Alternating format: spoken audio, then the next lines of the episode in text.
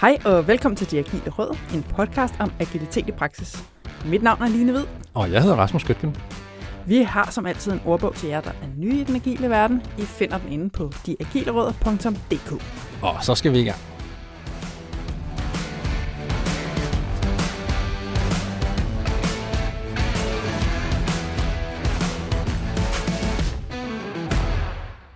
Så skal vi i gang igen, Line. Det skal vi da. Ja, det bliver fedt. Du har inviteret en, en gæst med. Ja, jeg har. Hvem skal vi snakke med? Jeg har inviteret øh, Christian Holm Christiansen, som jeg har arbejdet sammen med for sådan en lidt mange år siden. Ja. Øhm, og jeg inviterede ham egentlig ind, fordi jeg tænkte, vi skal have en product owner. Fordi vi må lige undskylde for alle product owner derude. Vi har jo fuldstændig forsømt den rolle. Vi har talt alt for meget med Scrum Master og arkitekter og agile coach-typer ja. og sådan noget. Vi har jo simpelthen ikke haft en, en øh, product owner i studiet. Nej, det råder vi både på. Ja. Og øh, Christian er officielt product owner. Sådan. Ja, og det der så, håber jeg i hvert fald gør ham interessant for øh, vores lyttere derude, det er, at han sidder, han sidder i Danfoss i dag. Mm-hmm. Øhm, og Danfoss er jo en gammel virksomhed, og det er også en virksomhed, som har den klassiske traditionelle projektledelse. Så han sidder rent faktisk også altså i den her gamle organisation, der sådan er ved at omstille sig til det agile. Ja. Og den, det tror jeg er en problemstilling, der er mange, der kender. Det tror jeg. Hvad gør man så? Ja, Når ja. man så er officielt er product owner, men måske også lidt... Han har også en projektleder baggrund. Okay. Og han har også før været product owner, så han ligesom mm. prøvet begge dele. Ja. Så han sidder lidt i den der med, hvor han faktisk lidt skal gøre begge dele. Og nu er der måske nogen derude, der så sprænger en sikring. Så nej, nej, nej, nej, nej. Men altså, vi Det, prøver... det er jo sådan virkeligheden er for jeg mange. skulle lige til at sige, det er jo, altså, Ja. ja. vi har lavet den her podcast for at tale praktik og virkelighed. Præcis. Så det er jo det, jeg synes kunne være interessant, det er at få, at få den gode Christian til at fortælle lidt om det her dilemma, når man både er product owner, og man faktisk er så projektleder, og man sidder i den her organisation, som prøver og prøver og skal have vendt den der tunge organisation. Jamen, jeg er enig, og, og det, jeg, jeg, jeg, jeg kan jo allerede gætte dit næste spørgsmål, Rasmus. Hvad glæder du dig til at høre? og, øh, og jeg må sige, det er, det er jo lige præcis det, Ja, at, at, at der er den her blanding af de to roller. Og hvordan får han det til at fungere ned mod et Scrum-team? Ja. Ja. Jeg går ud fra, at de kører Scrum. Ja. Det, det, det ved jeg jo ikke. Det, det, Ja. ja. det, det. Men, men ja, så, så når, når de nu kører Scrum, jamen, hvordan forholder han så den her PO-rolle og, og projektlederrollen ned mod dem? Ja. Hvordan agerer han? Og det, øh, det synes jeg jo også er interessant. Hvad gør, ja. Hvad gør man helt præcis konkret? Jeg håber faktisk også på, at vi skal øh, tale, det sagde han i hvert fald også selv, han godt vil snakke om, om ceremonierne. Mm? Altså, hvad fungerer så, og hvad fungerer måske ikke? Øhm, og så også høre lidt om, hvad de lykkes med, Ja. og hvad kæmper de stadig med. Fordi, altså, de- de er jo i virkeligheden der, hvis jeg sådan ellers har forstået ham ret, altså, hvor de, der er nogle ting, der de er lykkes med, Mm. og komme i gang med, og så er der nemlig stadig alle de her rester, som man stadig skal igennem. Ja. Det er jo sådan et vadested. Altså, det er jo svært, og det tager tid, og det synes jeg måske nogle gange, der er nogen, der glemmer, hvis man bliver, altså, bliver meget forelsket i det agile, og det, det er det eneste rigtige. Så glemmer de den der overgangsperiode. Præcis. Altså, og den kan jo være lang for pokker. Ja, og, og, og meget svært at komme igennem. Ja, det er det. Altså lige præcis, hvordan omstiller man sig, hvordan skal processerne være, hvordan skal jeg være som, Ja. som projektleder PO, eller hvad det nu end er. Ja, det er det. Og især også altså, de her større og måske også Mhm. gamle øh, organisationer. Altså, det, det er nemmere. Altså, jeg, har jo nævnt nogle gange, jeg har været i, i Boliga i mange år. Boliga har starterbrødre. Så stor en virksomhed er det heller ikke. Relativt nemt at komme drible ind fra højre, som hende der den glade øh, type, med og så implementere agile processer. Der var ikke rigtig noget i forvejen. Vi er ikke så mange, så går det hurtigt. Mm. Men en gammel organisation, som har arbejdet på den samme måde så mange år, Ja, og formentlig er, helt andet. præcis, og formentlig er rigtig gode til de processer. Ja, de har kørt i pokker. rigtig mange år. Ja, det har virket. Altså, så, så lige præcis, og det der med at komme Ja. ind og ændre dem, det er jo, det er jo også sindssygt svært. Ja. Ej, det bliver spændende. Ja, og så er der faktisk et ekstra twist på det, Mm. øh, og det ved jeg ikke, hvor meget vi kommer til at komme ind på, men jeg synes, det er meget sjovt. Og det er fordi, Danfoss laver jo fysiske produkter. Ja, De er ikke kun en IT-virksomhed. Altså i virkeligheden er IT jo det nye for dem. Og det synes jeg er helt vildt interessant, for jeg har Mm. aldrig prøvet det. Altså jeg har Nå. kun prøvet at arbejde digitalt. Altså alt har været noget, der på en eller anden måde var i skyen, eller var i en computer. Ja. Så det der med, når der også er det lag, der hedder det fysiske produkt, det synes jeg er sært fascinerende. ja hvordan forholder de sig til Ja, det? det er. Ja, det bliver spændende. Ja. Meget spændende. Skal jeg hente ham? Ja, endelig. Velkommen til dig, Christian. Mange tak. Tak fordi du vil være med. Tak fordi jeg måtte være. Vil du ikke starte med at præsentere dig selv? Jo, det vil jeg gerne. Øhm, jeg hedder Christian, og jeg har de seneste halvandet år formelt set haft titel som øh, product owner. Mm. Og men jeg dog nok øh, har haft rollen noget længere end det. Øhm, jeg har været konsulent før, Ja. øh, klassisk IC-konsulent, hos et par forskellige virksomheder og har set og, og hørt et par forskellige ting også. Ja. Øhm, og jeg kommer også med en baggrund som udvikler, så har jeg også siddet og udviklet en smule. Mm. Øhm, og for at det ikke skal være løgn, så har jeg også været tekniker øh, og startet min karriere helt tilbage øh, for 15 år siden. Og, og jeg har de sidste halvandet år haft øh, titlen som Product Owner hos øh, Danfoss, hvor jeg sidder nu her. Øhm, jeg har dog nok lidt længere end det haft selve rollen Product Owner. Mm. Øhm, jeg kommer øh, før det fra en, øh, en rolle som konsulent, øh, IT-konsulent, og har været hos en del forskellige virksomheder og har set øh, et par forskellige øh, agile setups, øh, Mm.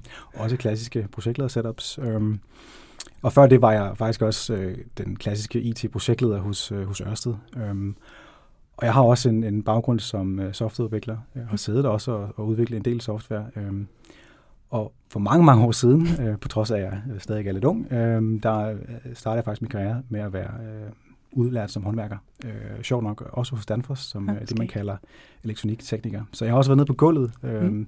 øh, det var sådan, jeg startede. Sådan. Og, Og, det, du, er- og nu er du tilbage igen i Danmark. Ja, nu er jeg tilbage igen. Det er lidt sjovt. Det var ikke øh, overhovedet planen, men, øh, men altså nogle gange så, så er livets veje uansagelige. Altså, vi skal jo helt sikkert høre noget mere om det der Danfoss. Men nu nævnte du også, at du har siddet tidligere i andre product owner roller og som forskellige agile setups. Ja. Har du nogle gode erfaringer derfra? Altså, hvornår har det bare været fedt at være product owner? Jamen, det var det måske i virkeligheden, dengang jeg ikke havde øh, selve titlen Product Owner. Okay. Øhm, som jeg sagde, så starter jeg jo med at være, jeg blev ansat som, som det, ja, IT-konsulent, øhm, og var egentlig ment som at skulle være projektleder, men som konsulent så er man også mange gange, men at være lidt sådan lidt en blæksprut, og man løser de problemer, der er. Øhm, og øh, som jeg sagde, havde, har jeg været hos en, en del forskellige kunder, men, men det sidste, øh, sidste år af min rolle øh, hos, hos den kunde, jeg var hos, der endte jeg faktisk med at blive øh, øh, product owner, kan man godt kalde det. Mm. Jeg fik øh, indirekte ansvaret for et af de produkter, vi implementerede, og da kunden ikke selv øh, havde nogen, der kunne varetage den opgave med at drive udviklingen af det, det, den applikation og det produkt, som, som det, det byggede på, der endte jeg faktisk med at blive øh, indirekte ansat hos den kunde. Jeg var der et Okay. år, øh, indtil at det måske gik op for mig, at hey, jeg er jo faktisk product owner, og, og, kunden er egentlig vir- virkelig glad for mig. Ja. Øhm, og på det samme tidspunkt, hvor det gik op for mig, der, øhm, der så jeg sjovt nok også en, en, en stilling, et stillingsbeslag hos, hos Danfoss som øh, product owner. Og så var det, jeg begyndte at tænke, jamen, jeg har jo været der før. Øh, Jeg kender deres produkter. øhm, måske jeg skulle give mig kast med den rigtige rolle. Altså Ja. for, for, formelt set at være product owner. Ja. Og så tænkte jeg, det skal jeg da prøve. Og der sidder jeg i dag. Sejt. Jeg synes, det er sjovt, du siger det, og så gik det op for dig, at hov, jeg er product owner. Hvad var det, der gik op for dig? Altså, var det konkret, der gjorde det? Ja, det er et godt spørgsmål faktisk. altså, det startede jo med, at øhm, ja, der er jo selvfølgelig forskel på, altså der er mange typer konsulenter, ikke? Men, men jeg startede med at være, være projektleder, jeg havde et projekt, jeg skulle styre, en defineret start og et defineret mål, og en budgetramme, der skulle overholdes, øh, men kunden blev ved med at købe mere til og mere til og mere til, og det blev en længerevarende, hvad skal man sige, øh, projekt, vi varetog, øh, og, og lige så stille og roligt, så fik man mere ansvar. Lige så stille og roligt, så kendte man, lærte man flere øh, hvad skal man sige, mennesker hos øh, kunden at kende. Lige stille og roligt fik man opbygget et, øh, hvad skal man sige, et, et, øhm, et forhold med dem. Øh, de stolede på, på, på mig, øh, og, og man fik mere med ansvar for det produkt der, og kom Mm. mere og mere ind i, øh, hvad skal man sige, udviklingen af det. Og ja, det var jo i virkeligheden en product owner rolle, kan man sige. Ja. Bare uden, at, uden den officielle titel. Ja. Øhm, der var et team, der var ikke en Scrum Master. Øhm, det var en af de ting, som, som man måske i hindsight øh, kunne have haft for at være endnu bedre. Mm. Men altså, man lærer jo hen ad vejen. Ja. Øhm, og så blev det jo det, det var. Og så, det lød som, som om, det var kendskabet til produktet. Altså, både produkt og team måske.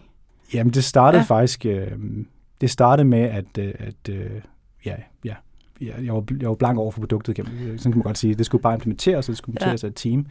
Men undervejs i det, så lærer man jo også, øh, hvad er det, vi implementerer, og hvordan bliver det brugt hos kunden. Man Mm. opbygger den her øh, vidensbank øh, omkring brugen. Man bliver jo et eller andet sted også eksperten i, i brugen af det her produkt her.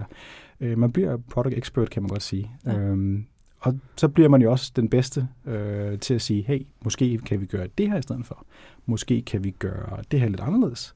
Og har I overvejet, hvis vi måske gjorde sådan sådan sådan, jamen så kunne vi få den værdi ud af det. Mm. Og det er jo noget, som de fleste kunder ikke kan sige nej til. Hey, mere værdi, det er jo dejligt. øhm, så, så lytter man, og så længe det går godt, så lytter man jo øh, endnu, endnu Ja. mere. Jeg kan faktisk godt lide, at du kalder det product expert. Jeg har altid synes, det der ord product owner var lidt mærkeligt. Og husk første gang, jeg hørte det dansk version som produkt ejer, var sådan lidt, hvorfor ejer du produktet? Jeg kan faktisk bedre lide Product Expert. Kan vi ringe til nogen for det ændret? Øh, jeg var også i start måske lidt, uh, lidt uh, i tvivl om product owner. Det lyder sådan meget, det lyder meget formelt, altså, Ja. men, men det er jo relativt lavpraktisk. Du har ansvaret for udde- udvikling Jamen, af det er produktet. præcis. Men det lyder sådan lidt, det ved jeg ikke, sådan, som om man sådan, det er mit. De andre må ikke røre ved det, hvilket jo også er under noget. Ja, det er jo også, altså, hvis, hvis man sidder med den fortolkning, så er, det, så er det også svært at bygge et produkt op Ja. uden, uden nogle mennesker. Hvordan sidder du så i dag? Har, har du så ansvar for budget og, og roadmap og alle sådan nogle ting for, for produktet?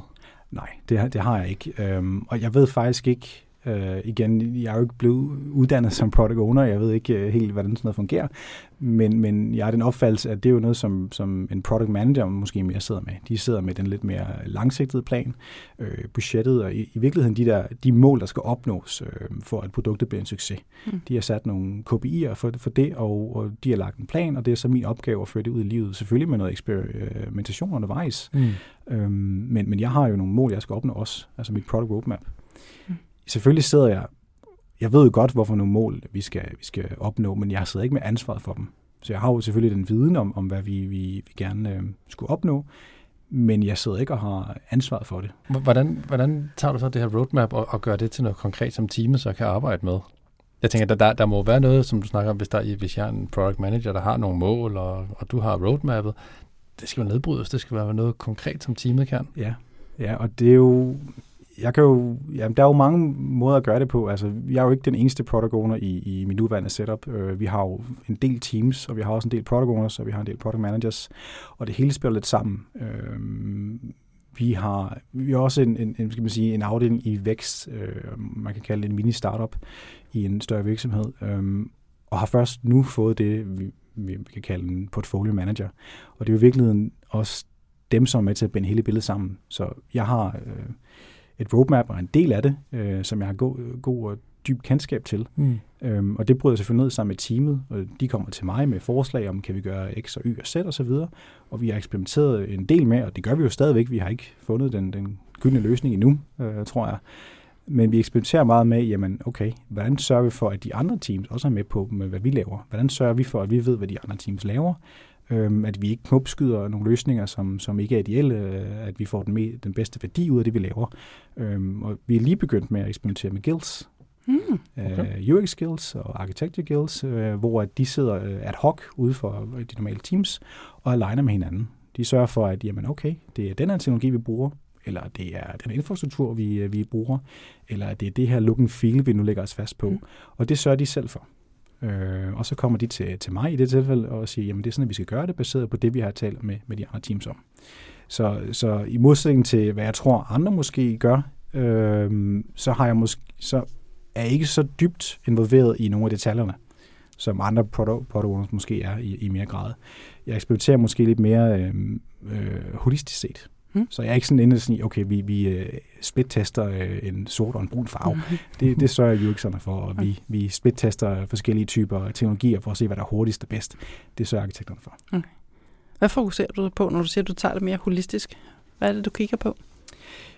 Jamen, jeg sørger for, at, at vi i virkeligheden kan skalere ikke øh, den teknologiske løsning, øh, men vi kan skalere produktet i forhold til, til vores roadmap, de tanker, der er på lang sigt. Og det er selvfølgelig sammen med, med resten af øh, de andre product owners øh, og de andre product managers, at øh, vi har en idé om, hvad det er, vi gerne opnår. opnå.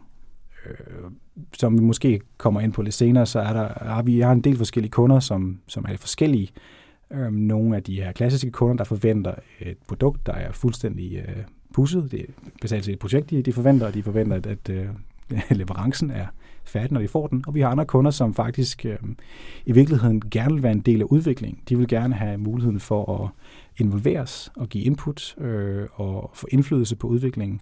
Og bal- ba- balancegangen mellem de to typer kunder kan godt være svær, men det er i virkeligheden det, vi forsøger sammen øh, at balancere. Mm. At det, vi udvikler, kan skaleres både for den ene type kunde og den anden type kunde. Mm. Øh, vi er også en virksomhed, som har en lang øh, historik. Det er jo en typisk øh, produktionsvirksomhed, men som nu forsøger med noget digitalt. Øhm, og vi skal jo både kunne supportere de konservative kunder, lad os kalde dem det, og dem, som er mere øh, moderne, og vi skal levere til dem begge to. Ja. Øh, og det kan godt være svært. Det er en Altså, svær jeg- balancegang. Jeg skulle lige spørge, hvordan i alverden gør man det?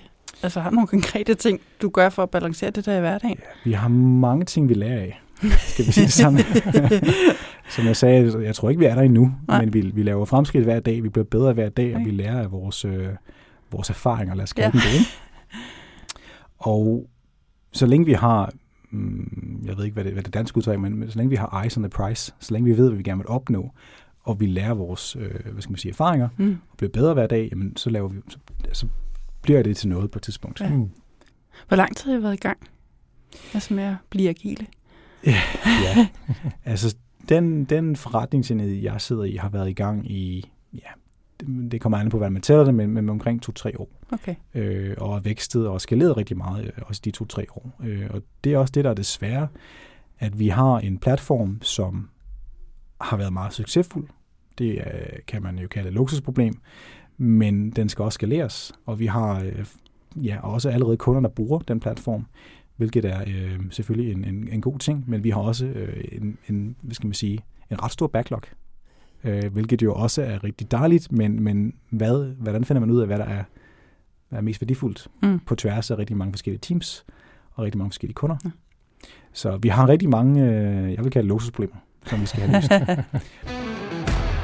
For lige at vende tilbage til backlog-arbejdet, fordi du siger, der er jo rigtig mange øh, interessenter, der stakeholders, kunder osv., som gerne vil have ting ind på backloggen, og ting, som vi fokuserer på. Ja. Hvordan håndterer du hele det her arbejde med at indsamle kravene og gøre til Jamen, du, du, konkrete? siger, du siger en god ting. Hvordan, hvordan gør du? Øh, og, og nogle gange så er det måske været nemmere, hvis det kun var en, der skulle beslutte tingene. øh, fordi så kunne man måske få nogle ting gennemført. Men, men vi er flere øh, om, om brødet, så at sige. Der er mange kokke øh, i det køkken der.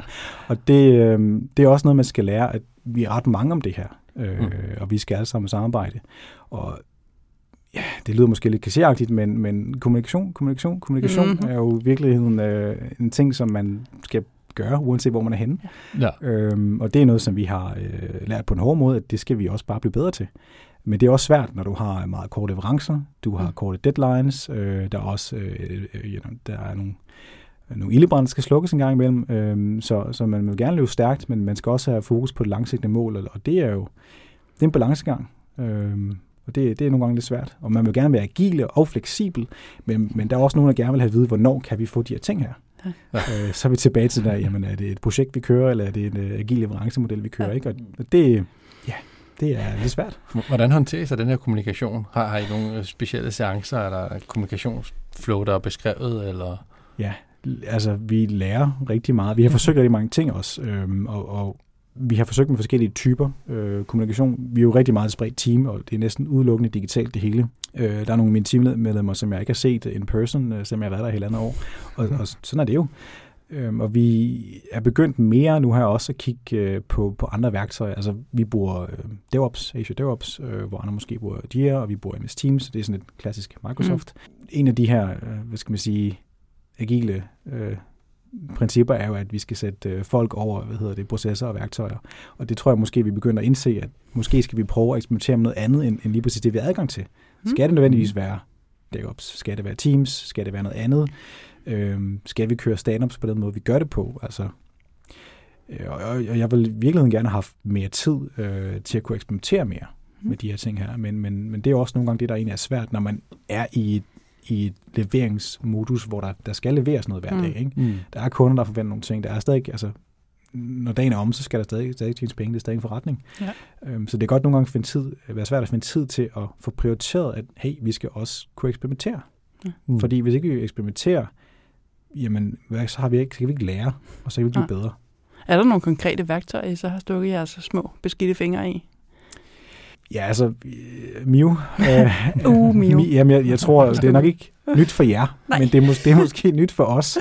Øhm, og og jeg, var, jeg må indrømme, jeg var ikke så stor fan af det i starten, men det, det gror lidt på mig. Ja. Øhm, det blev bedre. Men det handler også meget om personen, der egentlig faciliterer det. Mm. Det er en ting, vi har lært, at øh, en god facilitator, det er vigtigt.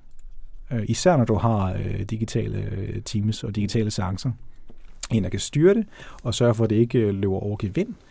Men også en, der kan sparke bolden i gang og sparke diskussionen i gang. Ja. Øh, det er jo en af de ting, som måske nogle gange er øh, nemmere, når man sidder fysisk sammen. Så kan man bedre føle rummet. Man kan bedre øh, se folk i øjnene og fornemme, hvad de egentlig har at sige. Nogle gange så siger folk mere med deres øjne end deres mund. Øh, så det der med at kunne facilitere og have en god facilitator, det, det tror jeg i hvert fald personligt er ret vigtigt. Mm-hmm. Øh, og, og det er jo tilbage til det her med at være blæksprutte. Altså, øhm, bare fordi man er owner, så behøver man ikke være en god facilitator. Øhm, og, og jeg tror også, at jeg snakker om det her før, men der er også forskel på, på Scrum Masters. Ikke? Nogle ja. af, af de mere religiøse, og nogle af de mere, øh, jeg ved ikke, hvad man skal kalde det, men, men der, der er jo forskellige tangenter. Ikke? Ja. Øh, og det handler om at finde den rigtige ja, personlighed eller dynamik, der, der passer til dit team. Hvor, hvor meget er du inde over selve teamet som product owner? Ikke, ikke så meget, som jeg måske kunne, kunne have ønsket, øh, hverken i min nuværende rolle eller, eller før. Øh, og jeg ved ikke, om det er sådan, om det er en dansk ting, eller om det er sådan en matrix, matrixstruktur ting. Øh, men, men jeg har før siddet øh, i, i ja, en klassisk matrixstruktur, hvor du har line, øh, altså lineleder, og så har du enten projektlederne, som har et projekt, eller i, i, i nuværende tilfælde product owner, som har et team. Og det er i virkeligheden det samme. Du har din linjeleder, som er dem, der ansætter øh, ud fra kompetencerne, der er behov for, og det budget, de måske har fået tildelt. Og så har du de andre, som, som ja, hvis du er projektleder, så kan du bede om nogle ressourcer, og nogle gange kan, kan du altså være så heldig, at du også skal bede om de rigtige kompetencer. Øhm, vi har forsøgt øh, et, et par forskellige ting, men nu har vi egentlig stablet øh, en Scrum Scrum som benene, hvor linjelederne er med på lige fod med vores Scrum Masters og vores øh, Product Owners. Og det har vi så en gang om ugen, hvor vi egentlig diskuterer, jamen hvad er, hvad er up and hvad er down? Altså hvad, hvad foregår der? Hvad skal vi blive bedre til? Øh, hvorfor nogle risikoer er der? Øh, og skal vi gøre noget for at mitigere XLY? Og det synes jeg faktisk fungerer rigtig godt. Og er det så også på, på SOS-mødet, I så håndterer øh, teamproblemer eller, eller Jamen, Nogle gange så, så er det fordi, at øh, der har man mulighed for at råbe SOS. Ja. vi skal altså, vi skal altså, ja. Men sådan er det nogle gange. Øh, ja. Og nogle gange så er det jo ikke nok. Øh, så kan man ikke vente en hel uge, fordi der er et eller andet akut, og så kalder man nogle møder ind. Øh. Har I de traditionelle øh, Scrum-events? Ja, det har vi. Øh, vi har de traditionelle Scrum events, øh, og vi, vi har nok været igennem hele møllen ved at, at holde øh, daily standards hver dag, fordi det siger de, at man skal. Og vi har prøvet med timebox 15 minutter, vi har prøvet med, jamen okay, vi stopper først, når vi har været igennem alle, og vi har diskuteret alle de her bloggers, vi nu har. Vi har vores plannings, vi har vores groomings, vi har også prøvet med refinements, selvom det i virkeligheden måske er det samme som grooming. Vi har retrospectives, øh, og vi arbejder stadig med formatet. Lige nu, så tror jeg, vi kæmper lidt med, at de nogle gange øh, kan godt tage overhånd. At øh, vi er lidt dårlige til at timebox det måske. Mm. Øh, og i virkeligheden måske, fordi vi er dårlige til at, at sætte vores, øh, hvad er det, vi gerne vil ud af mødet. Altså, vi har ikke sat vores forventninger til, til mødet, og vi har ikke sat forventningerne til, til hvad vi går ind til mødet med. Ja. Mm. Og hvordan som, som product owner, hvad, deltager du i alle møderne, eller er der nogen, du ligesom tænker, ej, dem, dem holder jeg mig fra? Jeg tror, jeg kan jo indrømme, at, jeg, at uh, lidt for længe, tror jeg, jeg deltog i alle møder, eller forsøgte at deltage i alle de møder, som jeg var indkaldt til, indtil jeg nok i virkeligheden uh, måtte erkende, at hey, det, det går altså ikke det her. Jeg får jo ikke lavet noget, og, og jeg får ikke leveret den kvalitet, jeg egentlig synes, jeg selv skal levere som product owner. Um, så en af de ting, jeg prøver at blive bedre til, og skal blive bedre til, uh, men som også er svært, det er jo bare at sige nej som Lina også sagde. øh, men men det, det, det lyder simpelt at sige nej, men det er nogle gange lidt svært. Ja, det er. For der sidder jo en kollega i den anden ende. Ja, og, så er det svært. Og de, ja. altså, der er jo en grund til, at de indkalder til møde. Ikke? Det er jo enten fordi, de gerne vil have noget ud af dig, ja. eller de vil gerne vil holde dig informeret og opdateret. Ja. Og så skal man jo deltage. Ja. Er, er der nogle af de der Scrum-møder, som du prioriterer? Øh, som du siger, at dem, dem skal jeg simpelthen deltage i? Ja, for det meste, altså, den, den ceremoni, jeg sætter over det hele, er selvfølgelig grooming-ceremonien, hvis der mm. er spørgsmål øh, fra teamet til, til de, øh, hvad skal man sige, items, vi nu har på vores backlog. Mm.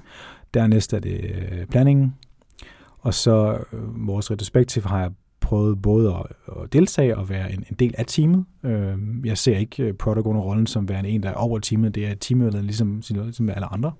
Så jeg har prøvet både at deltage som product owner og give forslag osv., Øhm, og har også måtte erkende nogle gange, at hey, jeg skal lige være på, at det tager overhånd, fordi andre skal også have lyst til at snakke lidt. Jeg har jo masser af idéer nogle gange. Og jeg har også prøvet at, at lade være med at dukke op og se, øh, så måske med at lytte med fra sidelinjen og se, okay, hvad er de egentlig kommet frem til. Mm. Øhm, og, og det skifter nogle gange. Kan du ikke, nu nævnte du omkring, at, at en af de events, du, du prioriterer højst, det er, er grooming eller refinement, eller hvad vi nu skal kalde den seance. Kan du ikke prøve at tage os igennem, hvad, hvad dine erfaringer er med det, gode og dårlige, hvad, hvad du ligesom kan give videre af gode råd? Når man nu som PO skal, skal prøve at køre sådan en event igennem? Jamen, jeg, jeg tror, der er mange måder at gøre det på. Øhm, en af de ting, som jeg, ja, og det, det tror jeg, jeg vil sige indtil det vil jeg altid sige. Altså, jeg, jeg kunne altid blive bedre til at skrive, øh, hvad skal man sige, acceptkriterier. At jeg kunne blive meget bedre til at skrive, hvad skal man sige, beskrivelserne for de her øh, work items. Øh, teamet kunne måske være bedre til at stille rigtige spørgsmål øh, før, i stedet for bagefter. Øh, og der er mange ting, der altid kunne blive, bedre. Altså, man, vi taler ikke så meget om det der refinement. Altså, og det, jeg synes, det er tit sådan noget, der bliver lidt overset. Som om, nej, det skal vi også lige huske. Og sådan som jeg oplever det, så er det simpelthen en af de sværeste discipliner. Jamen, den er svær. Den det er, er helt svær. vildt svært. Ja. Og det, er sådan, det virker sådan lidt så dejligt simpelt. Jamen, så sætter du ned, så beskriver du, hvad der skal laves, Ja. og hvornår vi er i mål. Ja, tak. Fordi, og der er vi, tilbage til kommunikation, kommunikation, kommunikation. Mm. Det er helt vildt svært. Altså, altså jeg har skrevet den slags i, det ved jeg ikke, mere end 10 år. Og jeg synes selv, jeg er temmelig god til det efterhånden. Det betyder simpelthen ikke, at jeg ikke godt kan stå på noget senere, jeg selv har lavet, hvor man bare tænker, hvad i alverden? Altså, hvad, hvad mener damen? Altså, det er helt vildt svært, og jeg synes faktisk ikke, vi taler nok om, altså, hvor meget det der er en disciplin, og det er et håndværk, der skal læres, og det tager tid at lære. Ja, men du har heller, altså i teorien er det jo, er det jo nemt nok. Sæt dig ned, gå igennem øh, dine, Ja. øh, dine items, forklar, hvad det, du egentlig vil have ud af dem, og få teamet til at stille nogle spørgsmål, så alle er klar over, hvad der skal laves, og så er det, så er det done, ikke? Ja. Dejligt nemt. Sådan fungerer det bare ikke rigtig i praksis. Øhm, vi har vidt forskellige krav. Vi har også et, et, i virkeligheden et komplekst produkt, og vi har en masse forskellige teams, som vi også eksperimenterer med, om vi skal have horisontale eller vertikale, eller silo teams, eller platform teams osv., for at det skal komplicere tingene mere. Men vi har nogle ret komplicerede nogle gange, øh, hvad skal man sige, feature requests, øh, og vi har også nogle gange de rigtig simple til, som, som er bare, kan du ændre skrifttypen og sådan noget. Altså, men nogle af de komplicerede, jamen okay, hvordan skal vi egentlig fordele det her? Vi, vi har jo mange teams, øh, vi har flere product owners, så hvem skal lave det her? Det er ikke altid sådan lige øh, til højrebenet, hvem der egentlig, hvem der egentlig kan lave det her bedst. Mm. Mm. Øh, og nogle gange er det også, øh, nogle gange er det en prestigefyldt øh, feature, som alle gerne vil lave, fordi hey, så kan vi få nogle brownie points på det. så det er nogle gange lidt svært, øh, og, og vi gør meget ud af, og har gjort meget ud af at prøve, okay, jamen, okay, det her det er størrelsen på en feature, det her det er størrelsen på en Epic, nu er det jo øh, Microsoft øh, Azure-sprog, og det her det er en PBI, og det her det er en task, og så videre, så videre, så videre, og vi kan ikke have en øh, PBI, der er større end en dag, og så videre. Og det fungerer rigtig godt i et stykke tid, men, men så kommer der måske flere teammedlemmer, eller øh, din, din, din teamstruktur ændrer sig, og så starter man lidt forfra med at bygge den der Mm. kultur op, og måske lige stille og roligt, så får der sned, så kommer der sådan en anden forståelse for, hvad er en, en, en, et story point for eksempel. Og det kommer hele tiden tilbage også, og, bider os i, mm. Mm. i, øh, i næsen, kan man sige, at, at vi er en lidt, lidt dårlige nogle gange, øh, som jeg også sagde før, at tage det skridt tilbage og sige, hey, hey, hey, altså, det er bare en, en, en PPI, det er sådan cirka så meget tid, den tager. Vi har nogle, øh, skal man sige, reference stories, vi kan kigge på. Lad os øh, tage det efter bogen. Det er det her estimatet er, øh, og det her det er et, et story point. Det er ikke et estimat på, hvornår den er færdig sådan i forhold til, til tiden.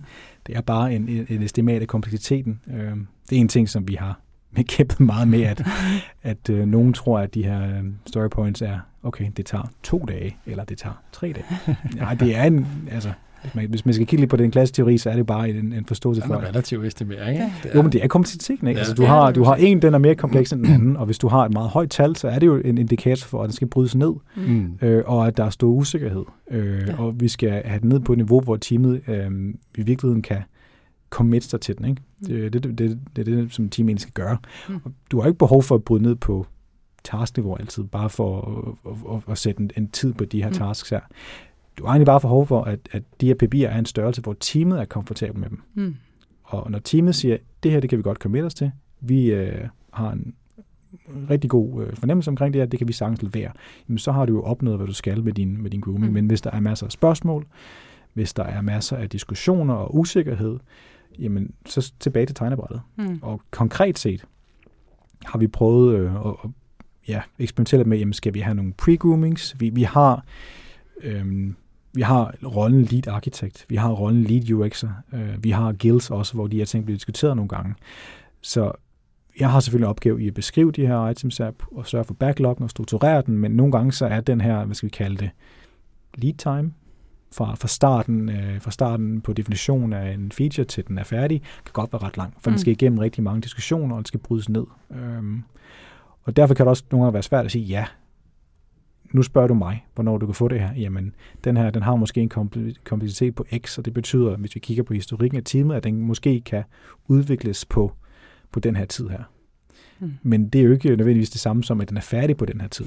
Fordi den har altså en lead time, hvor den skal igennem rigtig meget diskussion, mm. modning. Øh, flere, der er flere stakeholders, der skal involveres. De skal alle lige have deres chance for at give deres besøg med. Nu nævner du så det her med, som sagt, alle de krav, I kommer ind, og du snakker også om, at I kan blive bedre, eller teamsene kan blive bedre til at stille flere spørgsmål, måske før eller efter. Er der, er der noget, som du ligesom fokuserer på, når du laver dine user stories, eller laver din backlog, som bare tænker, at det her, det skal bare være, være helt tip-top, for, før jeg leverer det til, til teamet? Ja, altså jeg har, jeg har prøvet begge ting. Både den her klassiske, uh, as a user, I want X to happen when I do Y. Uh, altså den klassiske user story. um, og det har også fungeret i nogle tilfælde for nogle af de her features, men det er måske også, uh, det er også fejle nogle, nogle steder, hvor at vi er nødt til at gå skridt dybere for, mm. for ligesom at fange nogle af de her, skal kalde det edge cases, i virkeligheden måske også de her neg- negative edge cases, uh, negative test, uh, mm. som, som man også gerne vil, vil fange. Um, og vi har også prøvet at gøre det på den, på den lidt mere hårde måde, hvor vi har måske nærmest lavet, skal vi kalde det test development, hvor vi har øh, fastlagt øh, testkravene og acceptkriterierne meget, meget hårdt, øh, før vi overhovedet starter udviklingen. Altså virkelig ned på, okay, det er det her, der, der sker, øh, hvis, mm. hvis X og Y og Z øh, og, og månen står i den rette position på himlen osv. Øhm, og det vil være rigtig nemt at sige, at der er en måde at gøre det på, og den fungerer bare perfekt, men jeg, jeg ved ikke, om, om vi er ved at komme til en, en realisering, at, at måske er der forskellige typer features, forskellige typer udviklinger, som kræver forskellige typer af beskrivelser.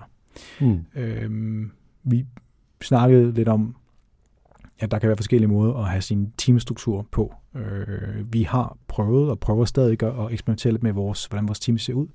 Er det et end-to-end team, øh, vi skal have? Og, og hvor er de her ends henne? Hvad er en end? skal vi have et platform-team? Øh, skal vi have et Øh, og hvad hedder det, Northbound, Southbound team har jeg også hørt, buzzwords.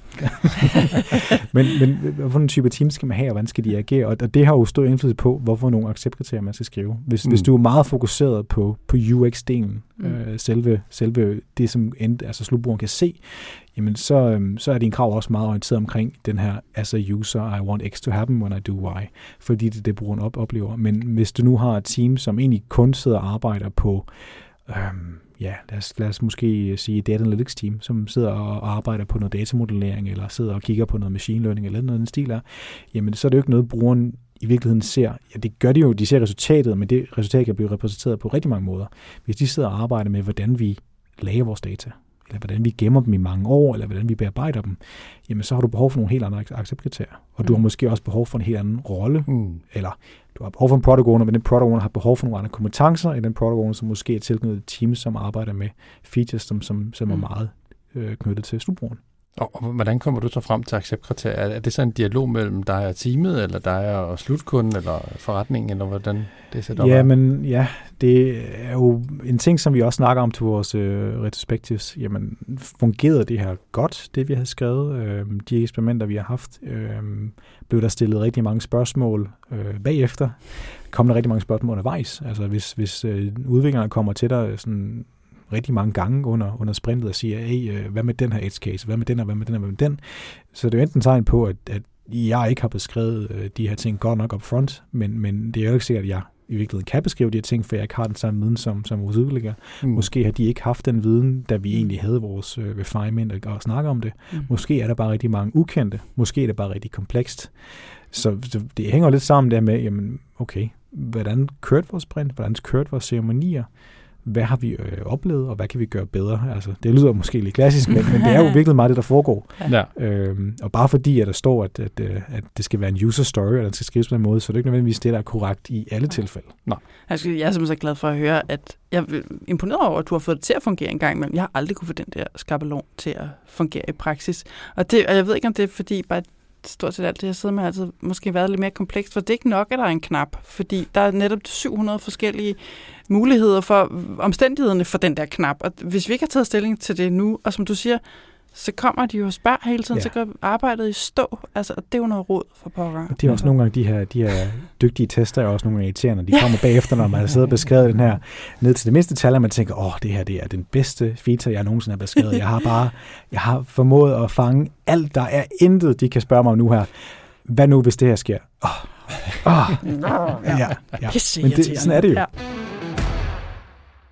Vi taler jo meget om den der backlog, og du nævner flere teams. Jeg sidder simpelthen brænder ind med et spørgsmål der. Hvor mange er I om den der backlog? Ja, for jeg har sådan billeder op i hovedet efterhånden, som du ved ikke, sådan 10-20 teams, der sådan vælter ind og skal forsøge at både prioritere og refine og tage opgaver fra den. Hvor mange er I om? Jamen, hvor mange, hvor mange skal man være? Hvad, hvad er korrekt og hvad er forkert? Så det kommer jo lidt an på, hvilket setup man er i, ikke? Altså, ja, ja. Jamen, ja. jeg ved det ikke. Jeg ved det ikke. Vi er mange, øh, ja. og vi er på en rejse, og vi havde før hver vores backlog, hver team havde hver deres backlog, ja. som, øh, som vi selvfølgelig øh, goomede øh, hver for sig, og vi kørte lidt vores eget show. Altså virkelig det, som, som de siger, man skal. Mm. De, de er kloge. Ja. Men vi, vi lavede vores egen, øh, altså vi har lavet vores egen teamopsætning, vi lavede vores egen øh, definition of done, definition of ready, øhm, vi lavede vores ceremonier, som vi har lyst til, og det kørte sådan lidt for sig selv, og så var det egentlig kun hvor, øh, dem, som var protagoners, der snakkede sammen med, med resten, og Score Master snakkede selvfølgelig sammen med, med de andre. Ikke? Øhm, men, men så blev det ret hurtigt svært at prioritere, fordi nogle af de her features er måske afhængige af et andet team. Sådan, sådan mm. var det bare. Øh, der var nogle ting, der var afhængige af hinanden. Og når man så skal ændre sine prioriteringer, så kan det være svært, hvis man har fuldstændig separate backlogs. Øhm, og det var før vi, vi havde øhm, sådan nogle roller som portfolio manager, så nogen, der kunne hjælpe os med det her. Ja. Så det skulle vi jo selv finde ud af. Og det blev ret hurtigt ret svært, øh, fordi der kom masser af forandringer. Det gør der jo, det er det, man skal acceptere, det er derfor, det er agilt, men, men, men det gør det ikke nemt at styre forandringerne, bare fordi at det er det, man, det, man, man, man skal. Så vi endte med at have den samme backlog øhm, med forskellige teams i den samme backlog. Øhm, og det har fungeret bedre. Selvfølgelig ja. er der så andre problemer, fordi så har vi bare en rigtig stor backlog med, med rigtig mange mennesker i. Og så kan det være svært nogle gange at, at styre det. Nu ved jeg også, at du har en projektleder baggrund. Hvor meget har du selv det ind i hovedet? Altså, hvor meget er du product owner, hvor meget er du projektleder? Jamen, ja, jeg ved det ikke. Nogle gange så er det, nogle gange så er det sådan lidt over det hele. Ikke? Ja. Jamen, det er nogle gange svært at skille af. Ja. Øhm, jeg, kan ikke, øh, jeg kan godt fange mig selv i nogle gange at tænke den her, øh, okay, jeg er nødt til at lægge en plan. Altså, jeg er blevet bedt om at, at, at øh, komme en opdatering på vores roadmap. Hvornår kan vi få de her ting her? Og så er jeg nogle gange blevet fanget, fanget mig selv i, okay, jamen, øh, jamen med de her story points, og så, og så videre, og så videre, og så videre, jamen, så kan de få det her om, nej, nej hov, hov, hov. Ja. altså, det er kun indikation på, at de, at de her ting ja. måske er færdige, hvis ikke vi løber ind i noget uforudset. Mm. Det er kun indikation på, hvad teamet de, de kender nu her, med de forudsætninger, vi kender i dag. Ja. Hov, hov. Ja. Øh, jeg kan godt lide, du fanger dig selv. Ja, ja, ja men, men sådan er det. Øh, det, er det er mig personligt. Øh, jeg tror også, det er også som organisation. Det har også været øh, de andre steder, jeg har været. Øh, selv da jeg var IT-projektleder, kan man også nogle gange blive sådan lidt, ja, okay, det, det handler jo lidt om typen af, af projekt. Ikke? Det er jo ikke alle projekter, hvor alle er defineret fra starten af. Mm. Du kan godt have et, et research-projekt, øh, eller du kan have den klassiske øh, stage-gate-model, hvor du ligesom kører igennem nogle analyser, før du finder ud af, hvad du mm. gerne vil lave. Så, så man skal ligesom finde ud af, jamen, hvad er det, vi gerne vil agere indenfor. Øh, og vi har den problemstilling, kan man sige, at vi har en, en software-division, som er agile, men vi har også den klassiske øh, hardware-division, som kører øh, stage-gate-modellen og hardwaren kan ikke leve uden softwaren, og vice versa osv., og, øh, og det skal ligesom arbejde sammen, men hvor det er nemmere at, og, hvad skal man sige, lave et fix til noget software, fordi det er sådan fungerer det, så er det lidt sværere at lave et fix til noget hardware, som du har sendt ud af døren. Ja. Så det fungerer jo meget godt i forhold til den udviklingsmodel, at du har en StageGate-model for noget, der er meget, meget svært at, at forbedre bagefter, og du har en mere agil setup for, for de produkter, som også, eller for, for den type produkt, som i virkeligheden også har et andet liv. Det ændrer sig også altså noget af det hardware, som, som vi ser i industrien, især altså det du ser på fabriksgulvet, det var måske designet for 20 år siden. Og det var købt for 15 år siden, og det er levet i fabrikken i 15 år. Hvor det software, ja, prøv at tænke 15 år tilbage. ja, det, det er to vidt forskellige mindset, der skal spille sammen. Ja. Mm. Er der planer om, at den gamle verden skal være mere agil, eller skal de ligesom holde til hver deres boks? Den gamle verden øh, har faktisk øh, kørt et, et projekt med at blive mere agile. Øh, men der er jo forskellen, tror jeg, øh, på agiliteten. Altså, vi snakker hele tiden om at være agil og The Agile Manifesto, men, men det, er jo, det er jo en filosofi eller et mantra, kan man sige, hvor et Scrum er måske mere et rammeværk til det, og så er der også Extreme Program og alle de andre afarter og den slags ting. Øhm, så de har måske mere fokuseret på, kan vi bruge nogle agile værktøjer, eller nogle af de, de værktøjer, der er afført det her, kan vi være mere fleksible og bruge nogle af de ting, som, som har fungeret godt for softwareverdenen, hvor at vi jo, ja, det, det, det bruger man jo næsten bare. Øhm, I hvert fald, når man leverer sådan noget software, som, som kræver et lidt mere skal man sige, udviklingsflow. Vi har behov for at bruge de her værktøjer på den rigtige måde måske, hvor at, øh, det her med at være agil på den, på den klassiske side eller konservative side, jamen det handler bare om at, at måske lære de her værktøjer. Kan mm. vi bruge de her værktøjer bedre? Ja. Altså jeg spørger simpelthen bare også, fordi jeg, jeg synes, det er særligt fascinerende, fordi jeg har selv aldrig været i nærheden af sådan noget produktudvikling. Mm. Og altså, jeg hører mig selv sige, at jamen, det agile mindset er det, der passer til IT-udvikling, fordi der simpelthen er noget i digitale produkter, der kalder på noget andet end den klassiske projektledelse. Og så synes jeg bare, det er helt vildt fascinerende. Altså, sidder, altså du sidder i Danfoss, og der har I begge dele. Og så tænker mit hoved bare, hvordan i alverden gør man det? Fordi jeg jo netop godt kunne forestille mig, at produktverdenen i virkeligheden er bedre gearet til det klassiske, men som du siger, I skal arbejde sammen. Vi skal arbejde sammen, ja, og, ja. og der er jo også, øh, vi, vi, som jeg siger, der er jo forskellige kunder. Ikke? Vi har dem, som har brugt øh, nogle af vores produkter i mange, mange år. Vi har nogle af dem, som, som er nye kunder, kan man sige, og som bruger nogle af de nye produkter. Og jeg tror, der er rigtig mange virksomheder, i hvert fald større virksomheder, som har en lang historik, har jo det samme problem, at mm. man har utrolig meget produkter ude i, øh, i, i felten, som har været brug længe, og man har en type kunde, og som, som måske har, har, har gjort tingene på samme måde i rigtig lang tid, eller rigtig mange år. Og så har du også de kunder, som øh, måske kommer fra en anden verden. De er vant til noget mere øh, nyt og noget mere moderne. Christian, du har allerede været inde på det flere gange. Det der agile manifest. Og vi har det med at spørge vores gæster, om der er en af de der fire grundsætninger, der sådan vækker særlig genklang i hverdagen. Har du en af dem, der ligesom, det er særligt dig? Ja, men øh, jeg, det er jo den første, som jeg snakker om og har snakket om, ja. at, øh, at øh, vi skal sætte mennesket over processet mm. og værktøjet. Men, men jeg har det også lidt med modifikationer mm. i form af min, min lidt pragmatiske, øh, konservative ja. baggrund som, som projektleder. Og det er der ikke noget dårligt. Altså, de klassiske vandfaldsprojekter har sin, sin plads, og de agile processer har sin plads for visse typer projekter. Mm. Men jeg har stadig den holdning, at, at ja, for fri rammer kan, kan skabe kaos. Øhm, om man kan bruge rigtig lang tid på at diskutere, hvad man kan gøre, i stedet for bare at gøre det. Og nogle gange, og det er jo også virkelig det, det handler om, så handler det om, altså fail fast, men fail often, yeah. og så lær af det og komme videre. Mm. Og hvis man har nogle værktøjer, som ikke indsnæver dig og gør det sværere for dig, altså som, som ikke skaber nogle bloggers for dit team, mm. men du har nogle værktøjer, som støtter, øhm, så er det jo, så får du mere værdi ud af det. Altså, jeg tror ikke på, at du kan komme afsted uden at have nogen som helst rammer, eller mm. processer, mm. eller governance.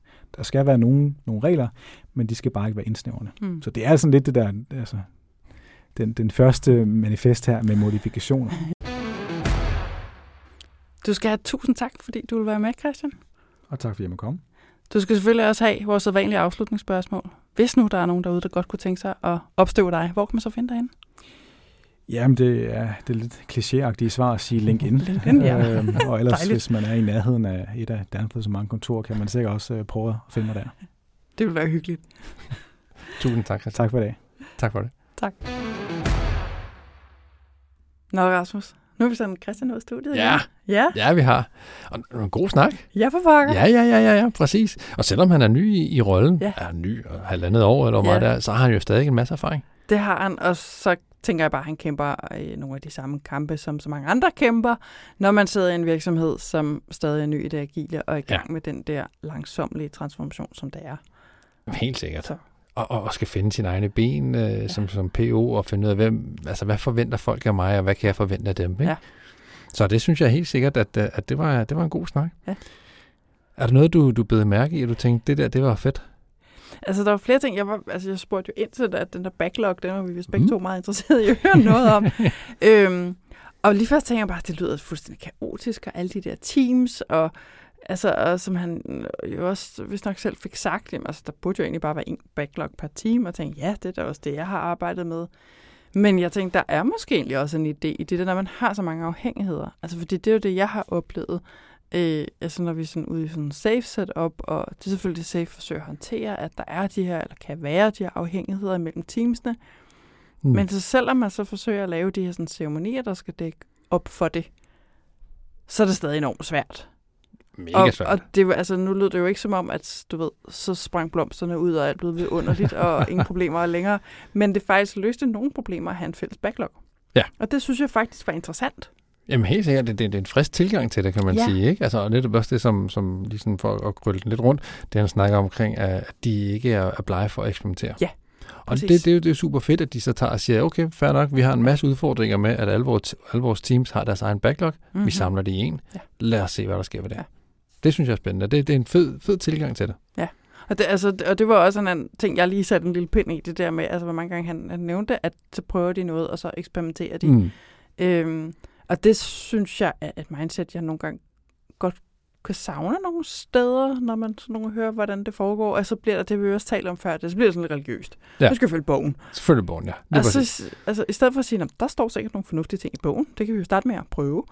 Og så finder vi ud af noget undervejs, og så prøver vi noget andet. Ja. Altså at være sådan lidt, nogle gange, for at sige livet, lidt respektløs. Mm. Og være sådan, nu prøver vi altså bare noget andet. Ja, præcis. Man skal være lidt pirat ja. en gang imellem. Ikke? Piratagile.dk, ja, er det taget? Nej, men, men, men det er rigtigt, og det gælder om at teste det hele af, og det er jo Ja. ligesom det, som, at det, det er jo en lærende kultur, det er jo en lærende tilgang, vi skal have til det, og Mm. den eneste måde, vi kan lære, mm, det er ved at fejle. Ja. Så, så fedt, at de gør det på den måde, helt Ja. sikkert. Var der noget, du hævde fat i? Sådan, Nej, men- men- særlig fat i? Altså, jeg, jeg kan jo godt lide, et eller andet sted kan jeg jo godt lide det, han, den snak, eller det, han sagde omkring, at, at det er jo fint nok, at teamet er selv, kun, øh, selvstyrende, og de har øh, mandat og autonomi til at gøre rigtig mange ting. Mm. Men det skal jo inden for nogle rammer. Ja. Og, og det det er jeg jo meget, meget enig i. Altså, mm. det er jo lige præcis. Det skal jo ikke være ren kaos. Det skal jo ikke være sådan, så alle teams bare kan løbe og lave lige præcis, som de vil, og hvad Ja. de vil, og, og have fuldstændig mandat til det. Så det er jo inden for nogle rammer, og, og Mm. det er jo det, som, som han også var lidt inde på, det er jo det, er jo det vi er sat i verden for os, PO og Scrum Master, Agile Coaches, eller hvad vi nu har af titel, det er at skabe de her rammer. Ja. Og, det, det synes jeg jo er, helt enig med i. Ja. Der er faktisk en anden ting, jeg også synes lød ret cool. Der lød det jo som om, de lige havde været over i, driblet over i Spotify og lige nappet de der guilds. ja. Dem arbejder vi også lige lidt med. Øhm, og jeg, nu har jeg aldrig selv prøvet at være, øh, arbejde i Spotify, så det kan være, at jeg nu råder mod noget for andre vil sige, hvad snakker du om, Line? Du ved ikke, hvad du taler om. Men jeg havde sådan lidt mistanke om, at de måske faktisk bruger det lidt anderledes, fordi jeg har forstået de her guilds, eller chapters hedder det. Nu bliver jeg helt i tvivl om det er det ene eller andet. Nå, jeg er allerede rodet mod noget, der er helt frygteligt.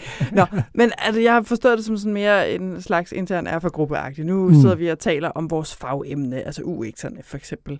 Men det lød på mig, som om de faktisk har spurgt det til, jamen det er også her, vi afstemmer. Hvordan arbejder vi med det her i virksomheden? Ja. På tværs. Og det synes jeg var smart. ja, det er rigtig genialt at lige præcis at koordinere på den måde, Ja. sådan, så man har det, en ens fremgangsmåde til det. Ikke? præcis. Ja. Fordi den tror jeg også er mange, der kender derude. Og så sidder der nogle teams, og så sidder altså, de kører efter nogle retningslinjer det ene sted, og nogle andre retningslinjer det andet sted. Og på mm. et Mm. eller andet tidspunkt, så møder de der to ting hinanden, og så er folk forvirret, ikke? hvis de da ikke bliver sure på hinanden. Ikke? Jamen lige præcis. Og Ja. ja. vi er jo lidt tilbage til igen af rammerne. Ja. Altså vi, vi er nødt til at have nogle fælles rammer, vi arbejder for, for ellers så bliver det kaos. Præcis. Eller arbejder indenfor, ellers bliver det kaos. Ja. Så det er super tilgang, de har Ja. til det.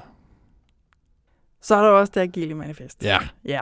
Og nu har vi jo selv bedt ham om at pege på noget. Hvad siger du, Rasmus? Altså, har han ret i, har han ret i at det er det, der passer bedst på hans hverdag, eller er der noget andet, Det er der fald- popper op? Ja, men der, helt sikkert. Altså, han, han- prioriterer jo uden tvivl individet, og de Ja. interaktioner og de kommunikation, der er, frem for de processer og Ja. de værktøjer, de bruger. Ja. Øh, jeg tror også, han var inde på det flere gange i løbet af, af vores snak med ham, Ja. ikke? Ja, og samtidig så tænker jeg også, at man ikke skal have den samme kaffekop, som vi skulle give Anne-Katrine, men hvor der ligesom blev peget på det lille ord over, ikke? Fordi ja. som man sagde, en processor og værktøjer, altså det er jo også vigtigt. Ja. Altså, og det, altså, så er vi tilbage ved de der rammer igen, ikke? Altså, Jo, jo. de skal jo være der, vi skal have et eller andet arbejde indenfor. Så, øh, Lige så det, det kan godt være, hvis jeg skal være flabet, så vil jeg sige, det kan godt være, at han selv vil have sætningen, men jeg vil give ham ordet over. Sådan. Det var alt for denne gang. Du kan som altid skrive til os på hej eller du kan finde os ind på LinkedIn. Du kan skrive til os, og du kan også følge vores side derinde. Og du må meget gerne dele podcasten, hvis du er i humør til det, og også meget gerne rate den i din podcast -app. Du kan som altid finde både os og ordbogen og selve podcasten inde på diagilrødder.dk, og vi linker selvfølgelig også til alt, der er værd at linke til i show notes. Jeg hedder Line Hvid. Og jeg hedder Rasmus Gøtgen. Vi høres ved.